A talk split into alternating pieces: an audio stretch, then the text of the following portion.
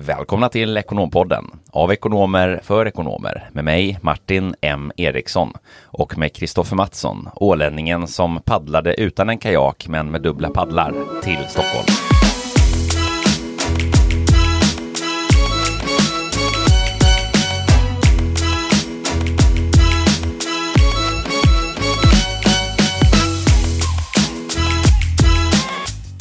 Hallå, hallå Martin, vad härligt! Uh, ja, paddla, det kanske man skulle göra till helgen. Vilket sprakande väder vi har. Pratar vi väder igen. Har du format kroppen till en kajak då när du lyckades paddla utan en kajak? Nej, däremot har jag varit med en löpcoach här i veckan och så frågade jag så här, hur får jag abs på två veckor? Och då sa hon, sluta ät rött kött. mindre vin och sluta äta rött kött. Ja, i princip var det det hon sa. Vi har ju diskuterat rött kött du och jag de senaste dagarna.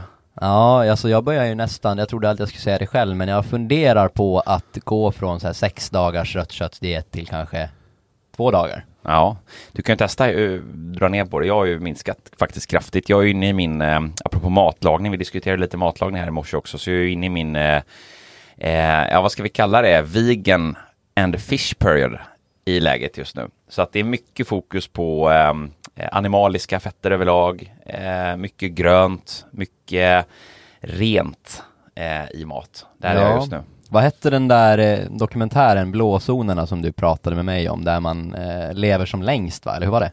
Ja, exakt. Det är ju den berömda Niklas Ekstedt här, krögaren som, som har en, han har gjort, finns på Viaplay då, en serie i sex delar som handlar just om de här blå zonerna i världen. Ehm, och eh, en blå zon då är ju en geografisk plats där medellivslängden är längre eh, än övriga delar av världen, avsevärt längre. Det finns sex sådana här blå zoner, jag tror det, tror det är sex, fem eller sex. Ehm, och eh, konsten att leva längre heter den, finns på Viaplay.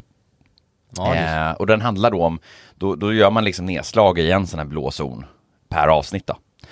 Eh, och ganska intressant just om man tittar på de här, vad, vad, är liksom de gemensamma nämnarna, så finns det ett antal gemensamma nämnare. Och en av dem är ju alltså att, att de äter ju väldigt rent. Kosthållningen ser olika ut, till exempel på Sicilien uppe i bergen där så äter man ju en del eh, animaliskt ändå, från, alltså kött eh, från, eh, från djurriket.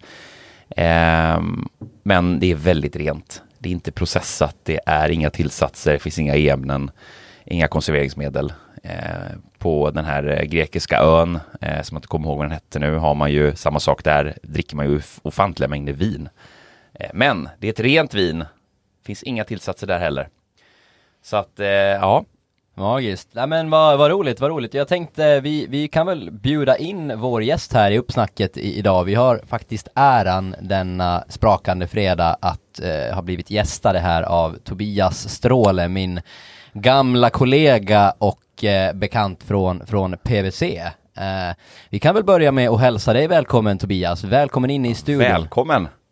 Tack Kristoffer, tack Martin. Jättetrevligt att få komma hit och se hur ni har det här i er studio. Ja men tack, tack själv och det är det vi som, eller det är vi som ska tacka tänkte jag säga. Det här ska bli fantastiskt spännande och ta lite rygg på eh, vårt avsnitt här tidigare när vi pratade om revisorns uppdrag och, och vad passar inte bättre då än att bjuda in den hårde men rättvis och pragmatiske superrevisorn. Tobias Stråle. Tack för de orden.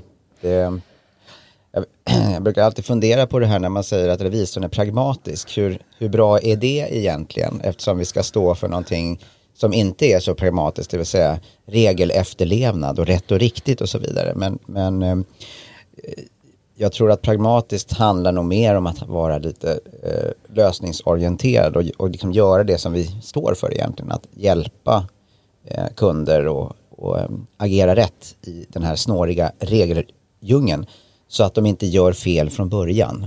Det är nog det som är den här pragmatismen, att kunna ha, ha den här lösningsorienterade eh, insikten då, eller förhållningssättet.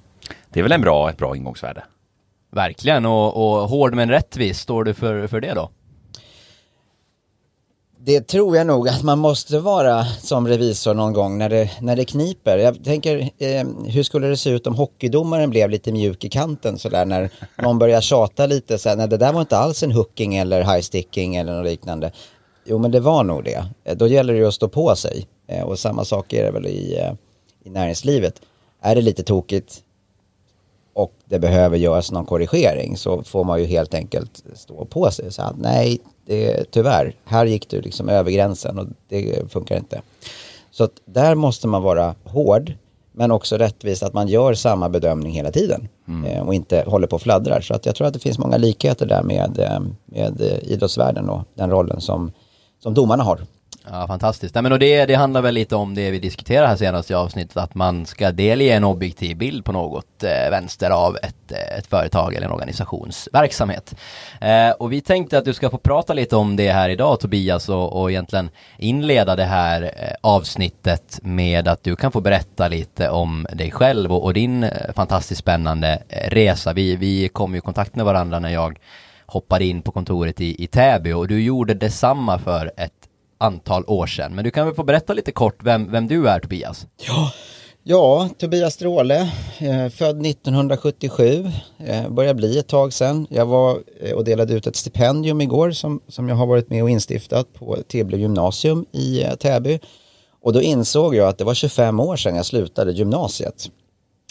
Och eh, eh, jag är alltså dubbelt så gammal och mer därtill än de som nu ska ge sig ut i universitetslivet. Men när jag satt, satt i den situationen själv, jag kommer från Enköping, en ganska liten ort i, i Mälardalen, eh, så hade jag funderingar på vad jag skulle göra egentligen i nästa steg. Jag hade bestämt mig för att jag skulle läsa vidare. Det tyckte jag var eh, klokt och relevant och därför så sökte jag ju så många andra till ett universitet och till ett antal högskolor. Sen kanske inte jag kommer från en akademikerbakgrund så jag hade lite svårt att förstå eh, exakt hur man skulle ta sig vidare. Men eh, på en sakomässa ehm, ehm, i, eh, i Stockholm så kom jag faktiskt i kontakt med lite universitet och även en, en revisionsfirma som förklarade att som ekonom kan man jobba här men man måste plugga vidare först. Och det var väl egentligen det som gjorde att Eh, att jag valde att, att eh, läsa på högskola. Jag hamnade i Västerås och läste redovisningsinriktning och tanken var nog då att jag skulle bli revisor till att börja med i alla fall. Eh, så sagt och gjort, flyttade till Västerås, pluggade där ett tag och eh, när jag väl var färdig där gick jag vidare till Uppsala och läste en lite fördjupningsinriktning på redovisning. Under den tiden kom jag också i kontakt med Örlings Coopers and Librand som det hette som på den det tiden. på den tiden, ja. Det har ju hänt en del. Det har hänt en del eh, och kanske till det bättre för i början när man kom in på jobbet då fick man lära sig att säga hela företagsnamnet när man svarade i telefon. Och eh, det var mer än tre bokstäver som vi har idag. Ja, så. men precis. Idag vet ju folk, folk, det är ju knappt någon som ens vet vad EY eller PVC står för. Nej, nu hårdrar jag lite, men i gemene man i alla fall så, så är det ju nya, nya tider med nya etiketter. Så är det Martin, jag tror alla alltså, har mått bra av de där förkortningarna. Ja. Man, man, har inte lika starka käkmuskler nu men, eh, men man sparar ju tid och det är ju viktigt för kunderna att man inte överdebiterar för det blev ju alltid några sekunder extra där på fakturan. ja, det, så kan det ju bli då. Ja, fantastiskt. Va, vad hände sen då Tobias? När, när du hade lärt dig att svara i telefon tänkte jag säga, men vi, hade, vi är inte riktigt där ännu. Vi är inte riktigt där. Nej, men, nej, men jag, jag kom i kontakt med dem, fick ett, en jättebra känsla för eh, företagskulturen och eh, lite grann värderingarna som, som firman stod för. Och det där känner jag, men de, det här passar ju mig lite grann. Så att, sagt och gjort, jag slängde in en ansökan på uppmaning av deras studentansvarige som jag hade haft lite dialog med och eh, eh efter en tid så blev det som så att jag hamnade i Täby på ett kontor där. Eh, och jag, jag minns fortfarande hur jag stod lite lätt nervös och skulle komma in första dagen på kontoret 5 februari 2002.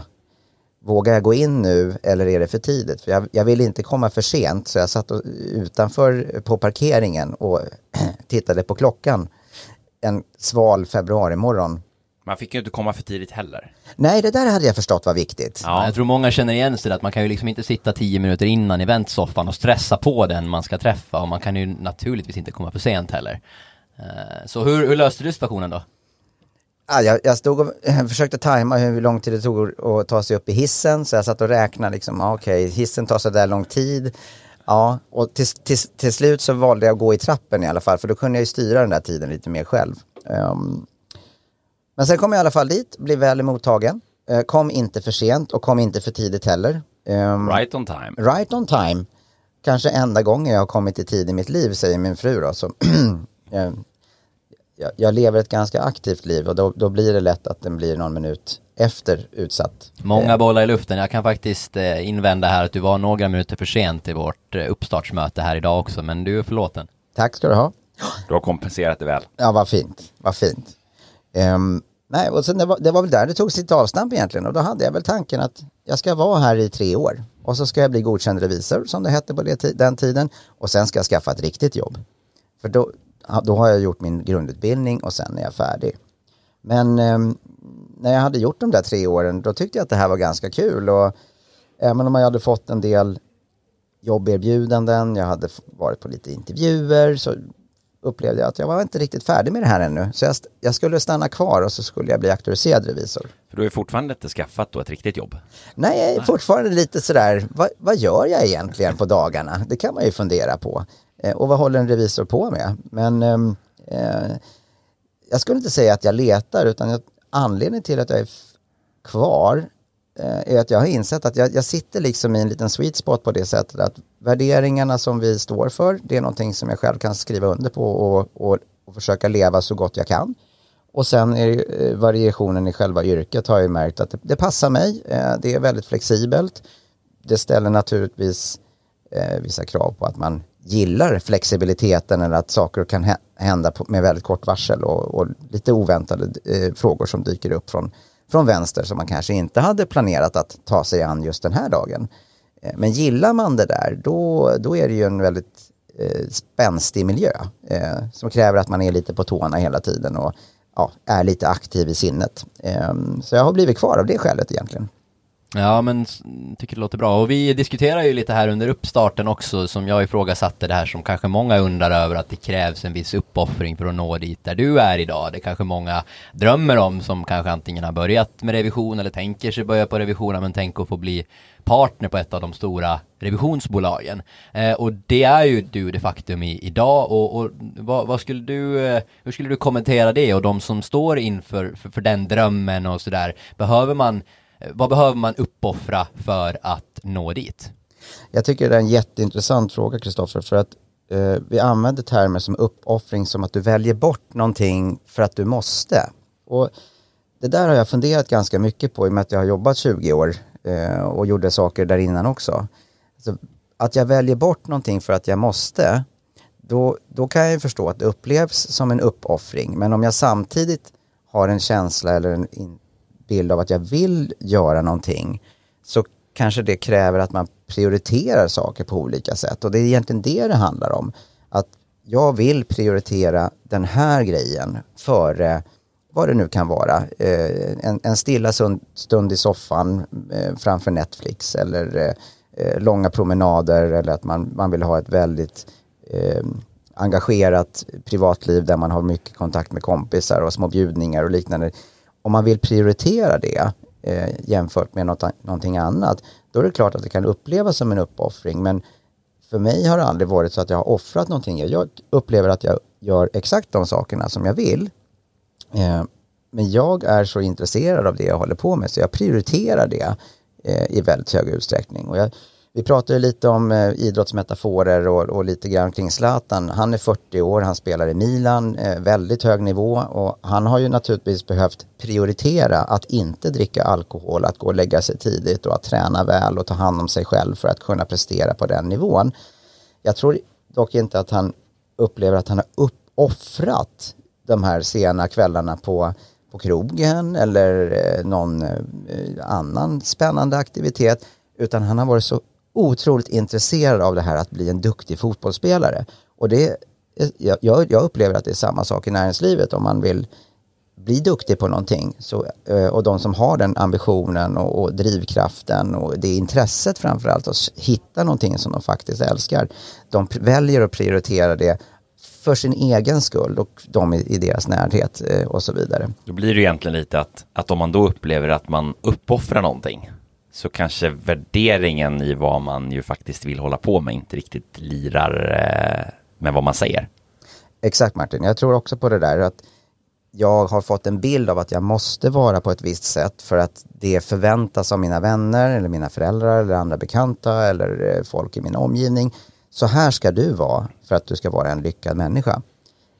Ja men är det egentligen det jag vill? Och då är det klart att ja, men jag måste offra det här för att bli det som alla andra säger att jag ska vara. Men är det verkligen den personen som du är? Det kan man Det här fråga är sig. en, en reflekterande övning kanske att fundera på om man är på rätt ställe idag, om man gör saker som man tycker är roliga. För att eh, ens privatliv är ganska nära förenat med, med yrkeslivet och står man där i den striden med sig själv, att man tycker att man gör uppoffringar när man till exempel är på jobbet eller gör vissa saker, så kanske man ska ta sig en funderare. Jag tyckte du hade väldigt, väldigt klokt och insiktsfullt, eh, en, en insiktsfull sägning här tidigare under, under vår uppstart kring att om, om någonting är 51% eh, bra så, så är det ändå en majoritet och, och då kanske det blir drägligt med tiden. Eh, vad, vad, vad vill du säga om det? Jo, men det är, det är precis så jag tänker, Kristoffer, att allting kan ju inte vara perfekt hela tiden. Alltså livet är ju förändligt och eh, saker och ting kan inte kontrolleras till punkt och prickar. Men om jag i huvudsak känner att jag är på rätt ställe och att det är roligt det jag gör, eh, oavsett om det är karriären eller det privata, och jag känner att majoriteten är ju faktiskt bra. Det finns ju inget ställe där man hela tiden får göra vad man vill. Ni, du gav ju själv en reflektion för det. Ja, okej, nu ska vi städa. Ja, men, ja, det behöver vi göra, men, men eh, det kanske inte är det jag vill prioritera just nu. Men jag behöver göra det också för att ha ett fräscht hem eller vad det nu kan vara för någonting. Det finns alltid saker eh, att hålla på med som, som är lite, li, av, av, kanske lite mindre stimulerande, men så länge det är majoriteten kul, då är man nog på rätt ställe. Och att, att man ställer sig den frågan på morgonen, så där när man tittar sig i spegeln. Så här, god morgon, hej, hej Tobias, ja, god morgon. Ja, hur mår du idag? Jag mår bra. Eh, är du på rätt ställe då? Ja. Varför då? Jo, för jag tycker det här och det här och det här är så himla roligt. Ja, Väldigt Perfekt. insiktsfullt. En liten spin-off på den där ehm, eh, som jag inte kan låta bli att ta då, lite kopplat också till det här då med, med värderingar. Och också liksom, du har ju kört en karriär nu på PVC i, i ganska många år, är partner idag. Eh, vi vi eh, snuddade lite grann på det här också eh, i morse när vi drack kaffe här innan vi hoppade in i studion och, och resonerade lite om just det här att det värderingsstyrda blir ju ofta någonting som kan uppväga de där 49 procenten då som inte alltid är kul. Alltså det vill säga att man känner att man är på ett ställe där man ställer upp på det man håller på med. Man känner att man kan stå bakom det man gör. Man känner att man lirar med de människorna man har runt omkring sig med samma syfte, samma värderingar, samma mission någonstans i det man gör. Eh, också då kopplat till just bolagskulturer och, och, och så vidare. Eh, det blir ju lite en, en alldaglig fråga just det här med att det kanske inte alltid vad man gör det är fel på utan var man är.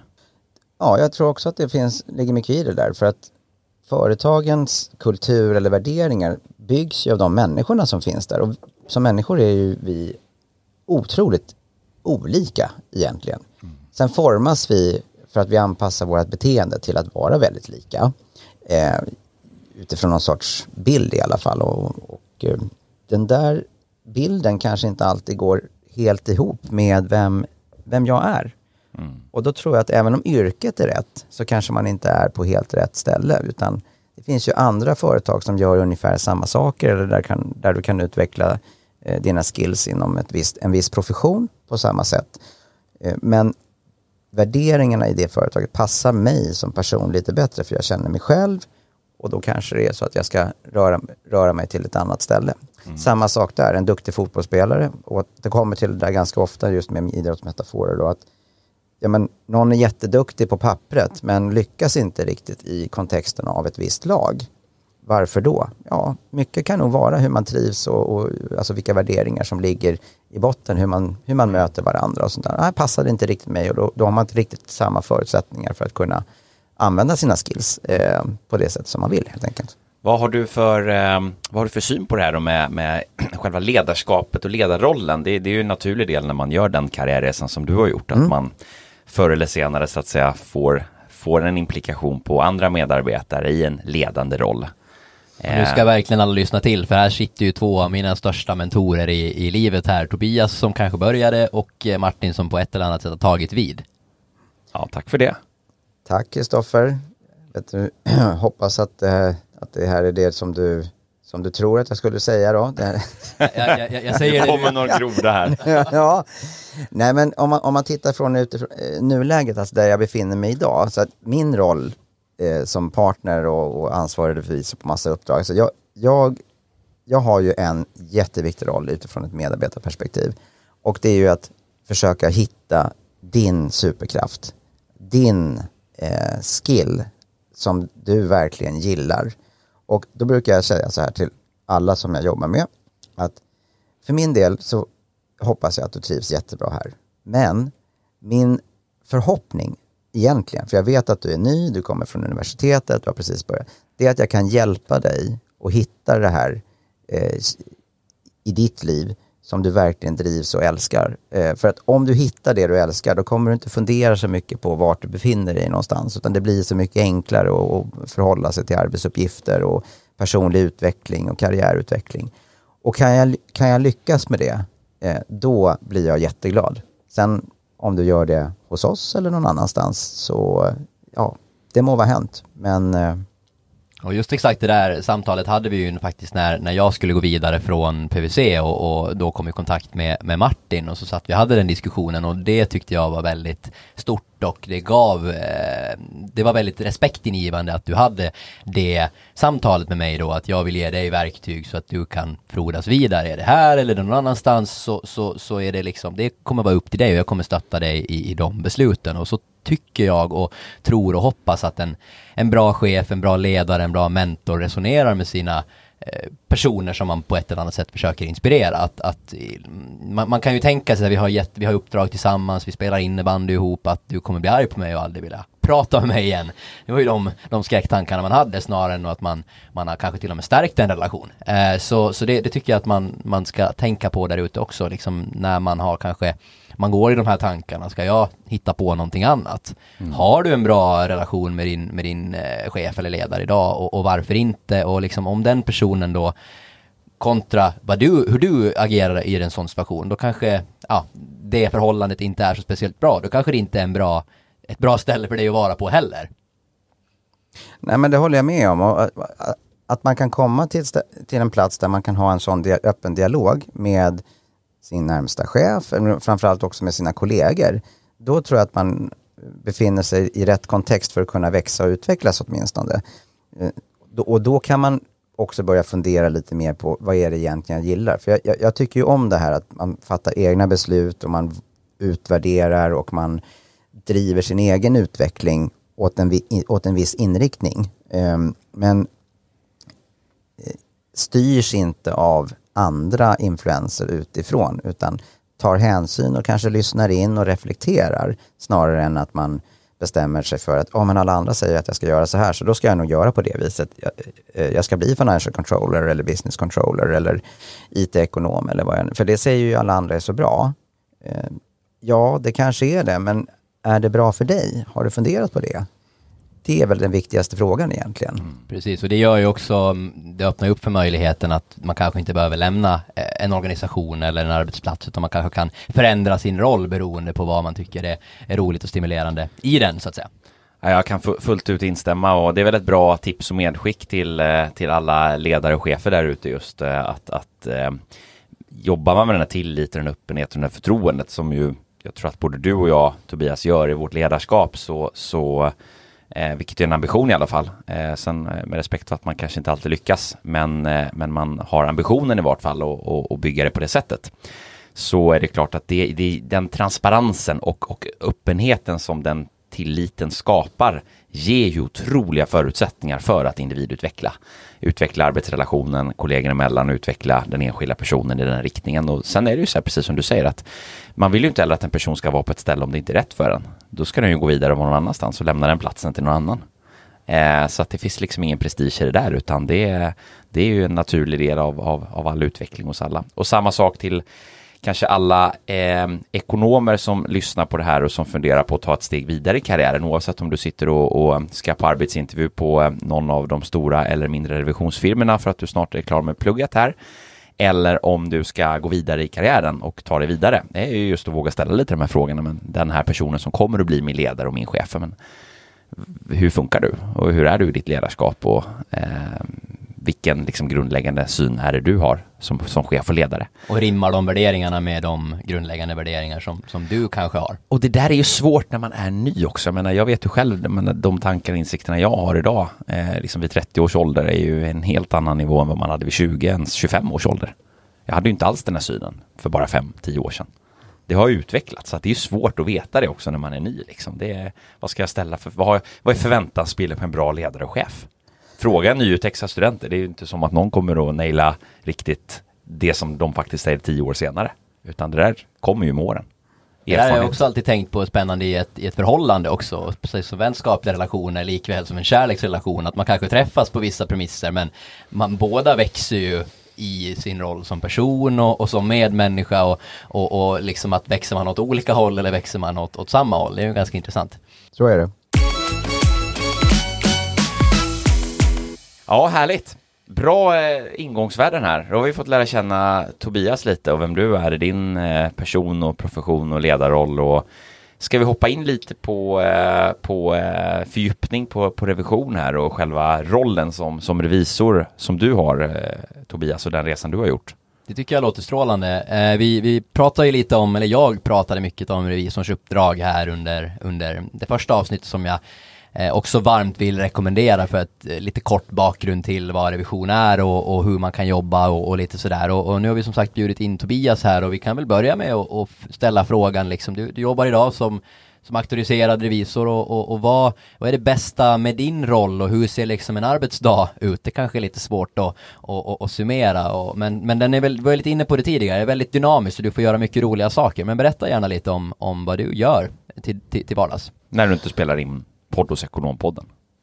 Ja, för annars var ju det liksom höjdpunkten på den här veckan i alla fall, att få vara här. Jag sa ju det här lite grann med att vara flexibel och våga vara nyfiken på det, det oväntade och lite förberedd på att saker och ting inte riktigt blir som man har tänkt sig. Det, rollen blir ju väldigt omväxlande. Så det är klart att vi har en, en eh, grundläggande liksom arbetsuppgift att ta hand om och stå för någon sorts förtroende i, i samhället och i, i det finansiella systemet. Och Eh, jag tror också att det där är ett sätt att bidra till en, liksom, ett stabilt samhälle. För att har du ett förutsägbart finansiellt system där alla spelar på lika villkor, eh, man håller sig till någon sorts ramverk, regelverk eh, och då, då, då, blir det ju konkurrens på lika villkor. Det tror jag är bra för en samhällsutveckling för det blir, skapar en stabilitet. Där har ju revisorn en roll att spela. Det kanske inte känns så för alla som sitter eh, som assistenter och, och prickar av betalningar mot bankgirot. det är ju en upplyftande uppgift vill jag bara säga. Ja, jo, men det är ju så. Det är ju den stora bilden. Det är ju en, en enskild komponent i det stora syftet. Precis. Så att det är ju att se det här. Det är därför det är så jäkla intressant att höra och, dig säga det här. Och det där är, den, den uppgiften är precis lika viktig som den uppgiften eller ansvaret som jag har då, i egenskap av liksom auktoriserad revisor. Jag får skriva på revisionsberättelser. Det är lagarbetet där. Det är lagarbetet. Allas uppgift är lika viktig för att det ska kunna bli ett resultat i slutändan. Jag förstår att det kanske inte känns så varje dag när man dag ut och dag in gör just det här som du beskriver Martin. Men, men i grund och botten så, så handlar det ju om det. Skapa stabilitet i det finansiella systemet och stå upp för att, eh, att eh, spelreglerna är lika för alla. Och hur gör man då det? Ja, det du beskrev är ett, ett exempel, men det handlar ju också, handlar ju också om att man har en, en stor, eh, ett stort utrymme för dialog med företagsledning, styrelse, ägare, eh, där man fungerar som en, en speaking partner egentligen som kan på förhand ge lite information och eh, vägledning hur man kan agera i olika typer av frågor. Om man ska göra ett företagsförvärv eller om man ska lägga ner någon del av verksamheten. Det är ju inte bara hur det där sen ser ut i redovisningen och om det faktiskt har hänt. Det, för det är ju den uppgiften vi har i slutändan. Okej, man har fattat ett beslut. Det ger någon form av effekter i en finansiell rapport.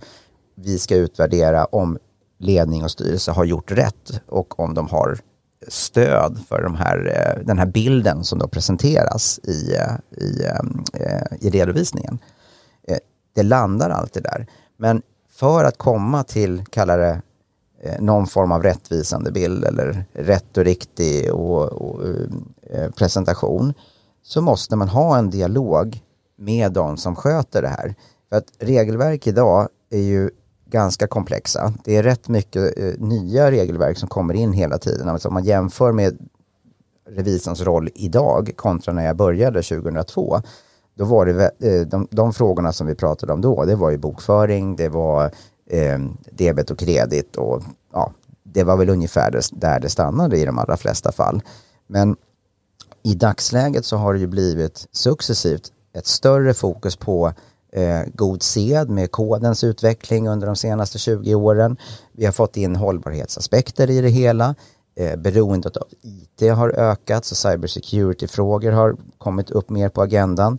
Det finns andra frågor som också relaterar till eh, fraud, oegentligheter eller att man liksom be beter sig oetiskt. Kanske nödvändigtvis inte lagvidrigt, men att man be beter sig på ett sätt som av samhället accepter inte accepteras. Eh, det, här, det må vara rätt enligt lag, men det är fel för våra normer som vi har eh, att förhålla oss till. Det är en, eh, en sak som också påverkar. Och regelverken blir mer och mer komplexa och det blir mer och mer reglerat som jag uppfattar det, eh, åtminstone i Europa. Eh, sen utöver det, vi har internationell handel som också eh, kommer in enklare. Idag kan du starta ett, ett tradingbolag via, på ditt skrivbord eh, med en dator eller med en eh, iPad och sen så har du liksom en eh, eh, där du köper grejer från utlandet och importerar och så kanske du exporterar det till andra länder i Europa eller för den delen andra delar av världen företagandet har ju blivit komplext mm. eh, från början. Du får ju en större access till en större marknad men det blir mer svårt och då behöver man ett stöd från, från revisor. Och det är det här vi egentligen jobbar med, eller som jag jobbar med, i olika former då. Ehm, speaking partner och försöker att beskriva liksom mm. färdriktningen och regelboken längs med den färden. Precis. Och jag tycker att du beskriver det väldigt bra det här som, för att anspela lite på avsnittet som vi diskuterade tidigare kring det här med att använda revisorn som ett bollplank och som en rådgivare snarare än att se att det är en person som kommer in och, och, och ska rätta och, och liksom, här, här det blivit fel liksom. Utan mm. det, det, du beskriver det på ett väldigt bra och ett rådgivande sätt och det är väl det, är väl det också som är en av de roliga grejerna i, i, i arbetet liksom att inte bara komma in och peka på här har det skett lite märkliga saker utan rådge och rådgiva även proaktivt. Mm. Och jag tror att den här proaktiviteten är det viktigaste, att man kan ge vägledning liksom innan. Eh, syftet är ju att vi ska verka för det som är rätt. Det är vår uppgift. Vi ska inte göra, men vi måste ge våran, våran eh, kunskap och, och, liknande till, eh, till de som, som ska göra. Så att de agerar på ett sätt som funkar och som inte blir eh, tokigt i efterhand. Då. Mm. Eh, för jag tror att när man hittar felaktigheter som du säger Kristoffer, då, då handlar det oftast om att vi har kommit in lite, lite för sent och då, då blir det ju att man får rätta till någonting i efterhand. Och så vill man ju liksom inte att det ska vara utifrån ett samhällsperspektiv då, utan bättre att försöka korrigera felaktiga beteenden innan de uppstår. Ja, men det är ungefär som barnuppfostran och eh, vad som helst. Att Hellre berätta liksom hur ramarna ser ut och... Du får och, och inte råna den här glasskiosken. Nej. Och inte du... säga det efter att man har rånat glasskiosken. Nej, då, för då får du gå tillbaka och, och be om ursäkt. Mm. Precis. Du kommer inte från en revisorsfamilj då, Kristoffer? Nej, nej, för jag rånade ju glasskiosken. Jag tog ju dock på ett Kinderägg eh, och lämnade tillbaks det, men... Men, men det etiska var på rätt sida, du lämnade tillbaks det, du hade skammen innanför, eh, innanför dig. Verkligen, ja. sen kan man ju bara för att eh, dra en spin-off på vårt föregående avsnitt här om meningsskiljaktigheter så, så är ju också normer och vad, vad, vad vårt samhälle säger. Jag kanske tyckte att det var helt eh, rätt och riktigt att, att ta det här chokladägget medan kiosk, eh, kioskägaren inte tyckte det. Eh, så, så där, där uppstår det ju en, en typ av meningsskiljaktighet då. Jag tänker på eh, det här du beskriver, eh, det är jäkligt intressant eh, Tobias, hur du beskriver just den här utvecklingen av rollen. Och vi har ju pratat om det vid ett liksom flertal tillfällen här i, i, i podden i många avsnitt tidigare, just om eh, vi har liksom återanknutit till de här makrotrenderna som vi ser runt om i världen. Eh, som ju du egentligen är inne på och beskriver här. Mm. Det, det, det är ju det är någonstans utvecklingen i omvärlden och, och, alla de drivare så att säga som finns som ju påverkar då näringslivet och företagande och, och organisationer som ju har revisionsplikt eh, och som ju då i förlängningen påverkar revisorns roll. Så att det, det är ju en, en, en, en respekt för den förändringen också och de också kanske möjligheter och ansvar och, och förändringar som ju då blir mm. eh, för revisorns uppdrag. Men hur balanserar man det här? Jag tänkte fråga lite grann eh, balansen mellan råd och stöd och mm. eh, granskning. Mm. Nej, men, så om, om man tar det i, och kopplar det till de här exemplen som jag gav alldeles nyss då. Eh, säg att de ska köpa ett bolag. Eh, då finns det ju massa praktiska frågor som man måste hantera innan man gör det. Eh, du ska undersöka företaget som du ska köpa. Är det ett, eh, är det ett eh, sunt företag? Finns det några problem med det där? För att anledningen till att man gör den undersökningen, det är som när du köper en bil. Finns det några dolda fel? Eh, och finns det dolda fel kanske vi inte ska köpa det här företaget. För då kanske, då kanske vi går sämre eh, framöver och inte bättre så som vi hade tänkt. Och i en, i en sån situation, så eh, vi ska ju granska själva förvärvstransaktionen sen. Och då är det några saker som vi tittar på. Vi tittar på att eh, de underliggande avtalen har upprättats på rätt sätt, att man har gjort en sån här företagsbesiktning och hur den har genomförts, om den har gjorts i rimlig omfattning. Eh, vi tittar också på eh, det finansiella, liksom, vad, är, vad är det för objekt man har köpt? Vad är det för pengar som, som ligger där och andra tillgångar och finns det några skulder? Är det några dolda skulder? Eh, Sen finns det ett antal eh, regler i eh, liksom aktiebolagslag och det finns i avtalsrätt och så vidare som, som ledningen behöver förhålla sig till. Eh, vi kan ju inte upprätta avtalen, vi kan inte gö liksom göra företagets värdering av det här objektet, alltså vad, hur mycket ska vi betala? Men däremot så kan vi redan på förhand titta på en föreslagen struktur som företagsledningen tänker sig att så det här är vår roadmap för att göra det här förvärvet. Hur, eh, hur ställer ni er till det då? Ja, eh, dels får jag ett antal frågor här så bruk, eh, utifrån ett redovisningsperspektiv. Jag har några civilrättsliga frågeställningar som jag, som jag ser här eh, och då undrar jag lite grann hur ni har tagit, eh, har tagit hand om dem eller hur ni har tänkt er att ta om hand om de bitarna.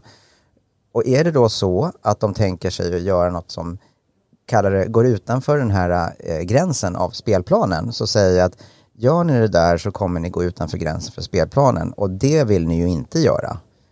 Nej, det vill vi inte göra, säger de då. Så brukar de korrigera då eh, och gå tillbaka till sina jurister och så frågar de proaktivitet då? Ja. ja. men lite så. Och så finns det de bolagen som säger ja, eh, det vill vi göra, så nu byter vi revisor. jo, men det finns det och där kommer väl just den här eh, att hård men rättvis kommer väl in då. Att ja. man, det gäller att man ändå har en tydlig bild av var någonstans går gränsen. Går ni över gränsen, då kommer jag säga nej, det där går inte.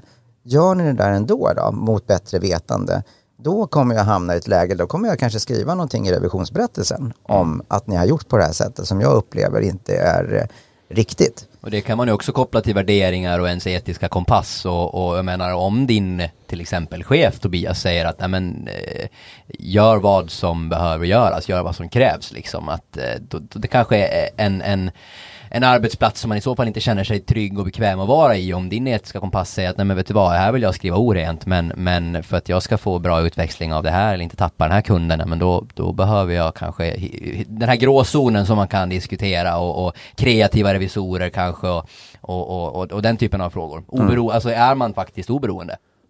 Jo men så är det ju och det, det, det är det där vi får bolla hela tiden egentligen och jobba med som som revisorer, var någonstans går gränsen och när, när slutar man vara granskande eller liksom ge objektiv information och när gör vi faktiskt företagsledningens jobb? Vi får ju inte göra företagsledningens jobb. Mm. Men vi behöver ge dem till rätt, ja, tillrättavisning kanske är liksom lite väl, men vägledning. Har du några uppdrag, eh, kunduppdrag eh, Tobias, eller, eller snarare då eh, potentiella uppdrag som du liksom haft framför dig som du eh, har valt att, att avstå eller avsäga eller tacka nej till av olika skäl? Ja, alltså det är inte så där värst många egentligen. För att när man bygger sin kundstock eller de kunder man jobbar med så bygger man upp det över ganska lång tid. Alltså när man börjar som assistent så jobbar man åt någon person som har ett projektledaransvar för ett visst uppdrag. Eh, och i steg två då så kanske den personen också blir påskrivande. Men vad det här handlar om är ju då att du, du, du är i en kontext hela tiden där du jobbar med långsiktiga relationer gentemot den externa kunden i slutändan. Antingen som assistent och bidrar med liksom de här grundläggande eh, mm. uppgifterna som behövs. Och det gör att kund, kundstocken eller de uppdragen du arbetar med, de kommer i huvudsak från personer som du redan känner. Så att där har du ju en uppfattning om hur de agerar. Och då blir det ju inte så mycket jag tackar nej, för kunden är känd. Mm. Och det är mer frågan om när det kommer in externa förfrågningar, ja, är det här en relation som vi ska gå in i? Alltså känner jag mig bekväm med det här? Förstår jag vem det är som liksom verkligen äger företaget? Vad vet jag om de personerna som eh, eh, står bakom det här? Är de seriösa eller inte? Mm. Man behöver ju göra en, en bedömning och en värdering av det innan man tackar ja. För att när man väl har tackat ja, ja men då sitter man där. Mm. Då har man ett ansvar och då tycker jag att då måste man fullfölja det ansvaret. För sen ska ju de betala tre gånger så stor faktura efter allt strul de har ställt till med och det är ju det ansvaret du har ändå få in de pengarna. Ja men exakt. För och det... ansvar att driva den granskningen på det sättet som behövs efter alla kanske problem man upptäcker eller liknande också. Exakt och då måste de vara medvetna och ja. förstå att ja, men, jag jobbar på det här sättet. Så det är ju det är givande och tagande. De, mm. Vi ska ju passa ihop. Um, så att det funkar att ha en liksom förtrolig dialog och där det kan finnas en öppenhet också, att de inte mörkar någonting. Och är det stökigt, ja men då kommer det att bli dyrare för dig.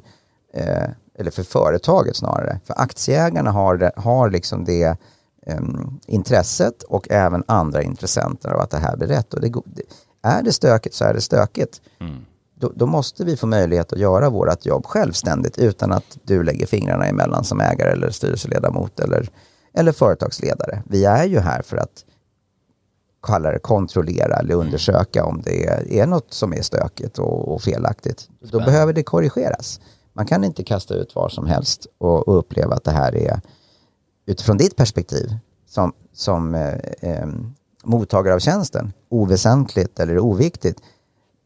Där måste det finnas ett förtroende att de litar på våra bedömning att ja, det här är någonting vi behöver utreda och vi utreder ju inte frågor som vi inte behöver bara för att. För att Nej, det har ni ändå inte tid med. Nej, men vi har ju inte tid att göra det. Alltså, det, är ju, det, det gäller ju att fokusera på rätt grejer. Ja, det som är väsentligt. Ja. Spännande. Väsentlighet, det, det är ett viktigt sådant eh, begrepp som man ska ta med sig som revisor. Vad är väsentligt? Jag tänkte eh, återgå lite kort här. Martin var inne på det med, med, och även du Tobias tidigare om den tekniska utvecklingen och du pratade lite om cybersäkerhet och sådär. Jag tänkte koppla tillbaka till det också, men att, att kraven ju faktiskt har ändrats på att bli revisor idag. Man har ju faktiskt eh, rent krasst gjort det lite enklare att bli revisor, vilket ju skulle kunna tänkas vara eh, lite märkligt med tanke på att eh, den, eh, den, den liksom väg, vägen vi går mot så blir det ju kanske, det ställer högre krav på, på revisorn och man behöver ha liksom en helt annan kunskap, kanske systemrelaterat, vi pratar artificiell intelligens, vi pratar att man blir någon form av kanske systemadministratör idag. Vad, vad, vad, vad skulle din, vad är dina tankar där kring, eh, men dels då den makrotrenden vi går åt och hur, går mot och de, liksom hur förebygger man det här på ett bra sätt, kunna vara relevant i ett landskap som man kanske inte har jobbat i tidigare? Jag, jag håller ju helt och hållet med om att rollen förändras. Alltså dels utifrån att regel, regelverken och komplexiteten ökar. Eh, men också formerna för hur eh, arbetet bedrivs idag har ju förändrats. Och vi har ju sett väldigt direkta effekter här under pandemiåret att okej, okay, jobba på distans, funkar det? Ehm, hur jobbar man med eh, leverans och kontroll av material och inhämta information egentligen? Eh, vilken typ av dialog och kommunikationskanaler eh, ska användas? Jag tror ju att våran bransch kommer att förändras väldigt, väldigt mycket. Den har redan påbörjats ganska drastiskt. Vi, om man jämför när jag började då pratade vi väldigt mycket om intern kontroll och ordning och reda och att det skulle finnas kontrollstrukturer på allting.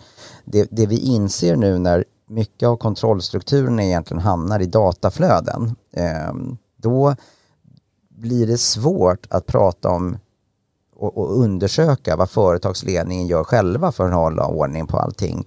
Utan det är ju mer hur man administrerar sina system och vilken säkerhet man har eh, i datakällorna det har ju lett till att vi har gått ifrån den här delvis internkontrollbaserade granskningen och tittar mer på eh, datakörningar, att man försöker koppla ihop eh, betalflöden med eh, försystem för orderläggning och huvudbok och liknande och göra datakörningar eh, via mjukvara för att hitta eh, anomalities i eh, informationsflödet helt enkelt. Vad är det som sticker ut? Och sen gå in och detaljsäkra, eh, detaljgranska det och titta på, är det verkligen ett fel eller inte?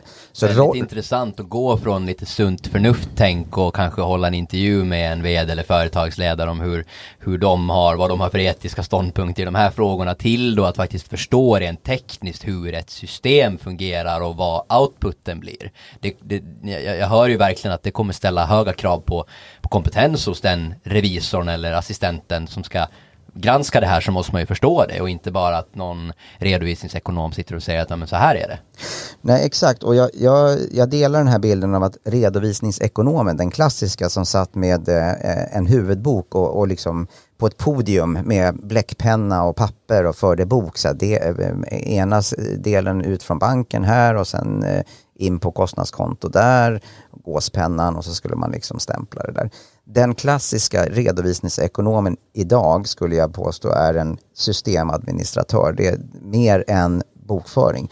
Det skapar i och för sig ett bekymmer därför att eh, många då förlitar sig väldigt mycket på systemen men vet inte riktigt vad systemen de facto gör.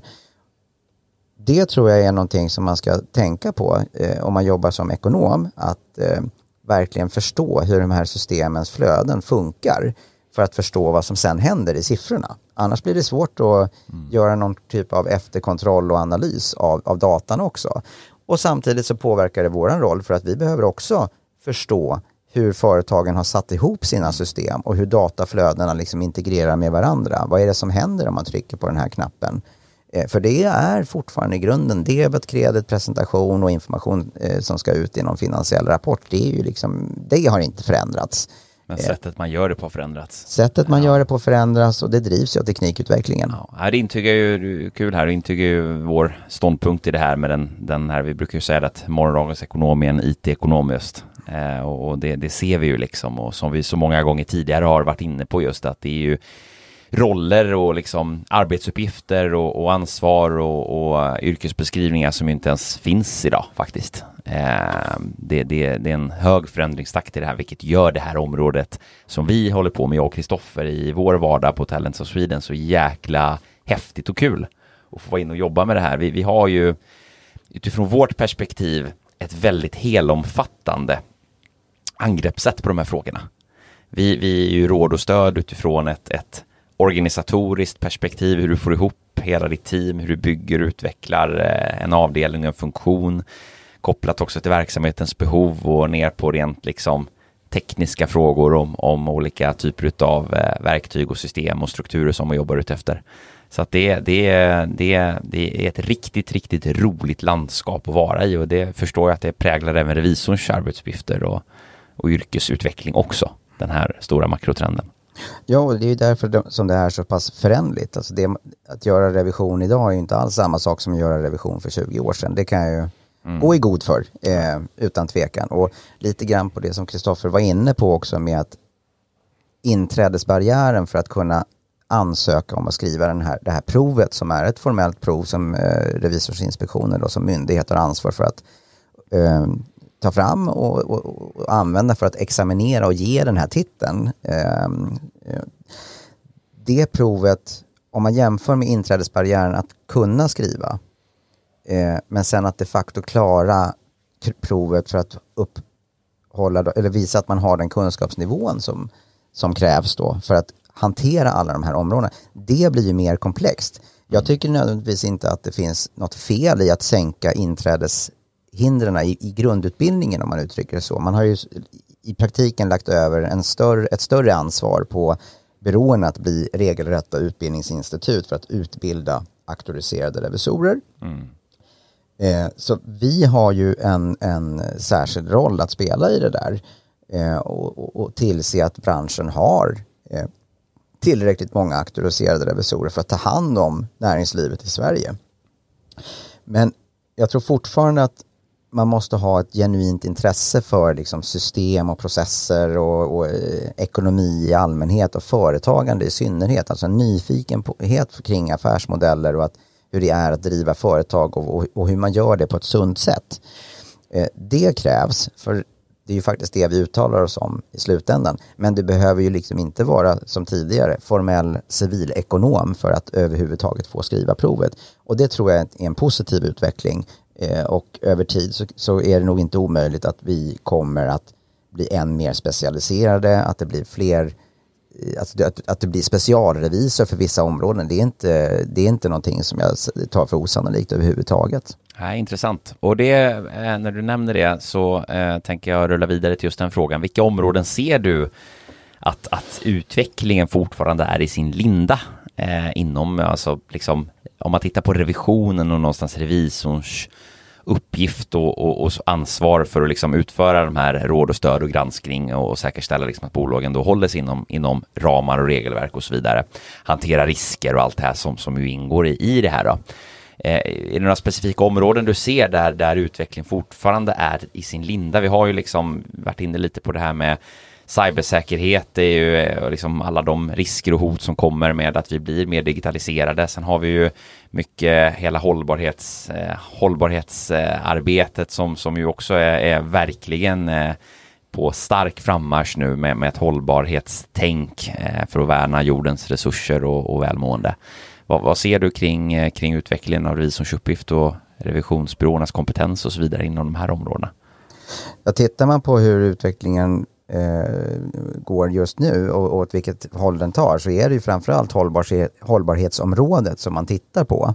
Eh, eh och, och, vill jobb, försöka eh, forma någon, någon, typ av reglering eller någon typ av information där företagen tar ett större ansvar och faktiskt kan mäta hur, hur stort klimatavtryck de gör och eh, vad de gör för att mitigera det och liksom hantera och minimera den påverkan som de faktiskt har.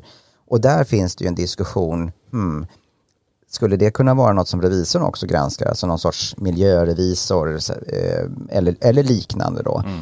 Eh, det ligger några år framåt eh, så kommer det sannolikt en, en tydliga riktlinjer där och det är inte osannolikt att vi kommer att ha en, en viktig roll i, i det, åtminstone i Sverige eftersom vi har det systemet som vi har där det är auktoriserade revisorer. Det är den formen vi har av revisorer som kan göra sånt här rent formellt då. Um, och då kommer det sannolikt att landa på oss också och, och ta hand om det. Och jag tror att vi, vi kan göra vissa jämförelser med vad som har hänt under pandemin. Eh, regeringen har ju eh, tillsammans med riksdagen liksom arbetat fram ett antal stödförslag för att hjälpa vår näringslivet att överleva. Eh, och där har man ju eh, kommit på att, ja men just det, vem ska titta på det här då, så att det sköts på ett eh, korrekt sätt så att pengarna går till de behövande om man uttrycker det så. Revisorn. Revisorn fick ta det, exakt. Om man eh. har lönekostnader över 400 000 kronor i sin jämförelsemånad. Korrekt. Då kommer den oberoende domaren, hård men rättvis. Jajamän, så är det. Ja, men det är intressant det där och just också eh, cybersäkerheten, cybersäkerheten just det här med att när man har gått från att kanske ha alla räkenskaper, all finansiell information i ett brandsäkert rum nere i, i källaren och, och, och sådär till att man har allting lagrat i, i molnet. Jag vet, jag vet ju själv när jag gick i skolan och man skyllde på att hunden hade käkat upp läxan eller vad det var eller att räkenskaperna brunnit upp liksom mot nya riskområden där kanske professionella hackers tar tag i ett bolags affärsinformation och kräver lösensummor för mm. det till exempel. Det, mm. det, det, är väl en typisk sån grej jag kan tänka mig att ni jobbar ganska mycket med. Ja men så är det och det där är en intressant fråga för när man pratar om vad ledning och styrelse har för ansvar liksom för att, han, att ta hand om bolagen så är det just det här att säkra upp information är ju en del av det ja, då kraschar hela servern eller affärsverksamheten blir stillastående på grund av att man hade, kallar det då bristfällig cyber, äh, säkerhet inom IT-området. Är det egentligen styrelsen och ledningens ansvar då? Borde de ha känt till det här? Så var det förutsägbart att det kunde ske? Borde man ha investerat lite pengar för att sätta upp lite murar runt den här IPn? Det är väl inte en orimlig tanke att säga att det skulle kunna ligga på, på dem. Och då hamnar det lite indirekt på, på revisorn också då, för att när vi pratar förvaltningsrevision som vi har i Sverige och Finland, så då ska man ju säga, ja, har, har ledningen varit omsorgsfull nu och tagit sitt ansvar här för att, för att minimera eh, skador och förluster för aktieägarna eller potentiella sådana?